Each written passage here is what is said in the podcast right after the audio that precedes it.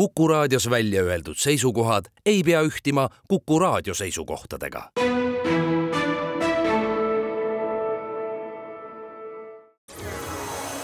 loodusajakiri, vaata ka looduseajakiri.ee tere, kena õhtu jätku kõigile teile, head Kuku raadio kuulajad. täna on hea meel tervitada Kuku stuudios Tartu Ülikooli mükoloogiateadurit, tere, Jane Oja! tere!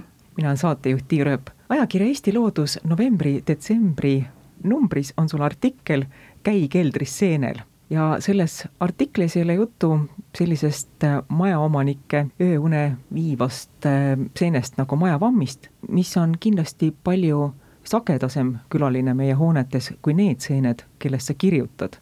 kas need seened on äh, peamiselt surnud orgaanilisest ainest toituvad seened või, või leidub ka mükoriisaseeni? põhiliselt on ikkagi surnud orgaanikast toituvad seentega tegemist ja tegelikult eriskummaliseks muudab need seened asjaolu, et nad on hoonetes, mitte see, et äh, nad kuidagi teisiti oleks eriskummalised, paljusid neid liike me võime Eesti looduses leida, et äh, et siin on küll erandid, aga, aga põhimõtteliselt on erakordne lihtsalt, et nad on hoonetes ja ainult erandjuhtudel on seda mükoriisa moodustavaid siis seeni olen ma leidnud, aga, aga need on ikkagist tõesti erandid, et seal on ilmselt mingid muud faktorid, miks nad ei vilju meil hoonetes. Mis on selle eelduseks, et üks äh, silmaga nähtavat äh, viljakeha moodustav seen kasvaks edukalt hoones, mida ta vajab selleks?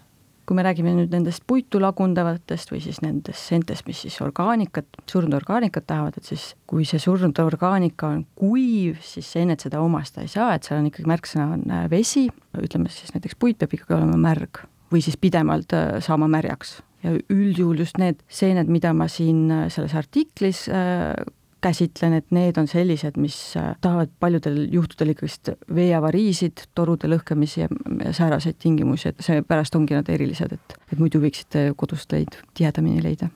kui sageli tuleb ette selliseid erilisi seeneleide?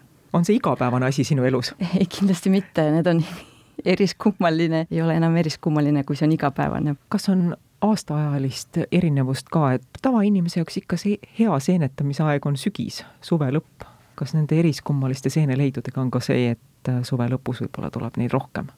pigem tõesti, võib-olla tõesti, aga no kui nad on seotud veeavariidega, siis ega see veeavarii ei, ei sõltu nüüd äh, aastaajast. et ähm, pakun, et noh, kodudes on ikkagist meil kunstlikud tingimused, et siis ma arvan, et sellist äh, aastaajast sõltuvust on pigem vähem, ma arvan, et on pigem vähem.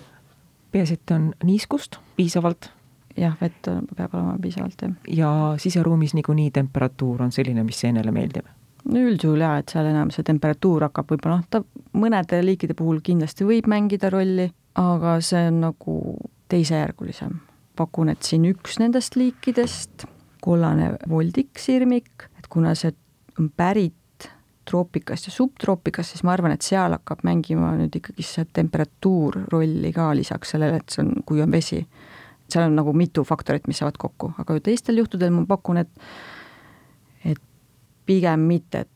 ma olen püüdnud võimalikult kaugele meie jutuajamisse nihutada seda küsimust, et seeneliigid, keda on leitud eriskummalisest kohast, see tähendab eriskummaline koht selle mõttega, et tavaliselt nad seal ei kasva, nad kasvavad uh mhm. -huh. kusagil mujal ei jah, aga siis on tavaliselt on nad seal, peaks olema kas siis läheduses äh, aias või, või siis kas või noh, meil kuskil lähipiirkonna looduses, et kas see on siis äh, paljudel juhtudel just need, mis meil seal kodude juures on, et siis need ongi seal kodukoha läheduses, noh, kas mingid pargid või, või siis koduõu võib olla täitsa vabalt ju, et see ei pea olema mets kindlasti.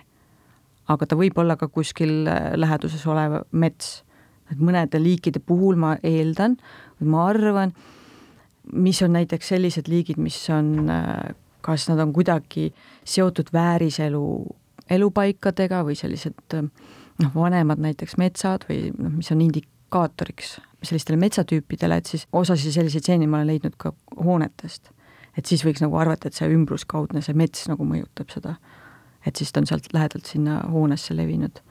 aga põhimõtteliselt noh, loodus, meie loodus.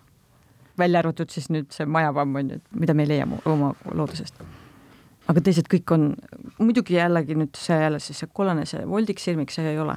ja teda leiabki pigem ikkagi lillepotist, eks ole? ja, ja, et see on, see ei ole ainult siin Eestis, vaid see on ka mujal et ma olen ise näiteks, no muidugi Katar on juba seal äh, soojem piirkond, et, et ma olen seal täpselt samamoodi lillepotist leidnud.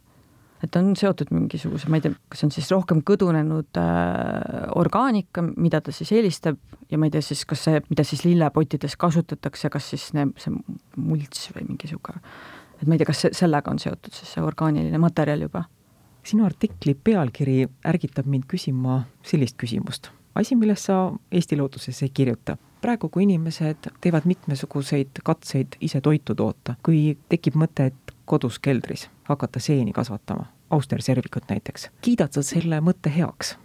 ma arvan, et see võiks olla küll väga hea mõte, seepärast et te ei pea ise hakkama midagi jalgratast leiutama, et sellised ilusad kitid on olemas, kus on äh, juba nakatunud substraat või siis selline materjal ja siis sa lihtsalt äh, spreitad seda veega ja siis üks hetk viljuvad sul siis sealt äh, väiksest kotikesest, mida võid sa oma laua peal kasvatada, viljuvad sul seal seened. et sellised ilusad, väga ilusad kitid on olemas, näiteks Soomes on olemas, mida kasutatakse, saad kasutada kohvipaksu peal, et see kohvipaks, mis sul, milles sa, pulber, mida sa kasutad kohvi jaoks, et pärast sa ei viska seda prügikasti, vaid sa kasutad seda hoopis seene kasvatamise jaoks fotod, mis on Eesti looduses sinu artikli illustratsiooniks, seal on austerservik ka olemas.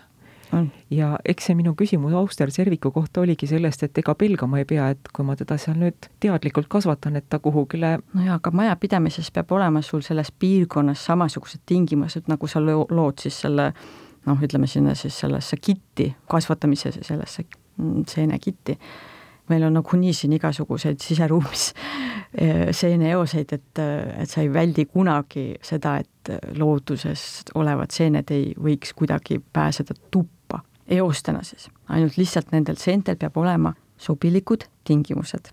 seeneeosed, mida meie ümber on rohkem, kui me oskame üldse oletada, viib mind järgmise küsimuse juurde. sa oled seotud projektiga Fun Home. milliseid toredaid tulemusi see andnud on, see projekt?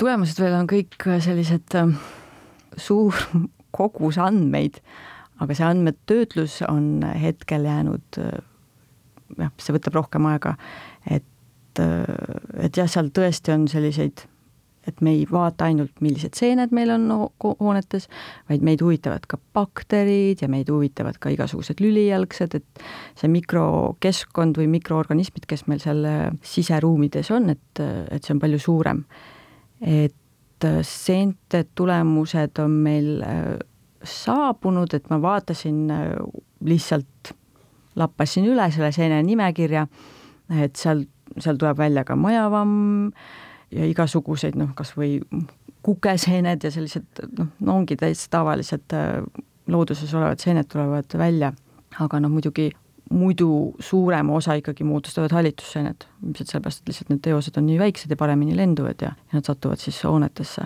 et need on nagu ülekaalus, et sellised söögiseened ja need teistsugused seened on vähemuses, aga aga jah, see analüüs on hetkel pooleli, et see lihtsalt protsess võtab rohkem aega, et meil on neid kodusid üle maailma mingi kuuesaja, seitsmesaja ringis, et, et noh, nende andmete mahtu annab analüüsida millal sa loodad selle analüüsiga jõuda sinnamaale, et saaks natuke täpsemalt tulemustest rääkida? nii kiiresti kui võimalik. et, et see projekt ise on või noh, see rahastus on nelja aastaga, nüüd me oleme poole peal, noh et ja tegelikult see on niisugune nagu step by step äh, analüüsimine, et äh, sellised suuremad analüüsid ilmselt noh, võib-olla kevadeks võiks midagi oodata, et äh, jah, aga noh, mingisuguseid analüüse ma olen teinud, aga need on kõik jäänud selliseks ikka väga üldiseks. sa loetlesid, mida kõike meid ümbritsevas õhus leidub. kas selle pärast peaks kuidagi muretsema? või on see loomulik, et ähm, tegelikult õhus ongi palju meile märkamatuid asju? see on väga loomulik, et ähm, ma arvan, et oleks äh, imelik, kui, kui seda ei oleks, et meie immuunsüsteem lihtsalt peab kogu aeg nagu võitlema ja hakkama saama, et aga teine olukord tekib siis, kui reaalselt visuaalselt te näete oma kodus äh, kuskil nurgas või, või siis näiteks seina peal või siis äh, vannitoas, et kui teil on seal ikkagi ohtralt äh, hakanud hallitusseened vohama, et siis see tähendab, et see kindlasti see siseruumi õhus on enam veel seda hallitusseeni või, või teatud kindlate liikide ülekaalu, et siis see võib tervisele probleeme põhjustada ja siis tuleks või noh, kindlasti tuleks selliste asjadega tegeleda, et see on ebanormaalne. aga, aga see, et äh, siseruumis, kus hallitusseente visuaalseid kahjustusi ei ole või seente kahjustusi, et neid seal õhus on, et see on täitsa normaalne osa elust. kõik need erilised seeneleiud, kuidas need sinuni jõuavad, sa ju ometi ei käi majast äh, majja ja ei otsi neid? sotsiaalmeedia? Ja nõustun, osa jõuab kirjakasti.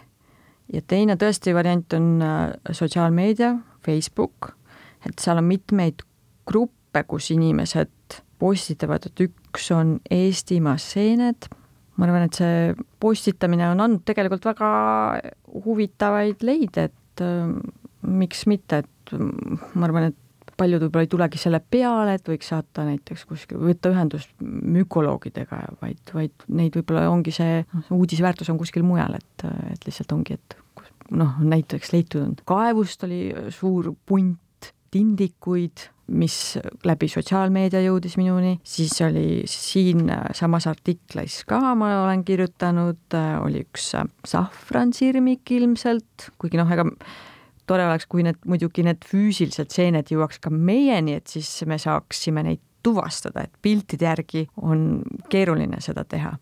Siis me võime ainult oletada, aga kui me saame kontakti ja inimene on või nõus näiteks neid seeni kas või posti teel saatma meile laborisse või ülikooli, et siis, et siis me saame need andmed salvestada, et tulevastele põlvedele oleks mingisugune märge või, või kas või teadlastele endale, et näha seda seente võib-olla selliseid kasvamise võimalusi või jah, et kus neid seeni võiks veel leida, et see lihtsalt laiendab meie teadmisi et selles suhtes on minu meelest hea variant.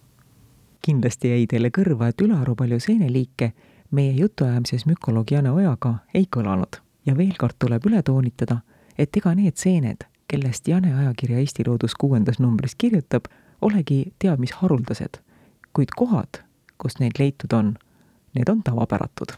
näiteks mugulnapsikud kasvavad tavaliselt metsas mitte köögis töö tasapinna ja seina vahel ja vähenõudlik muutlik liudik armastab küll lekkiva veetoru lähedust, aga leida teda pesuruumist, see on ebatavaline. saatejuht Tiiu Rööp tänab külalist, Tartu Ülikooli mükoloogiateadur Jane Oja ja kõiki teid, head kuulajad. ilusat õhtu jätku teile, jälle kuulmiseni! loodusajakiri, vaata ka looduseajakiri.ee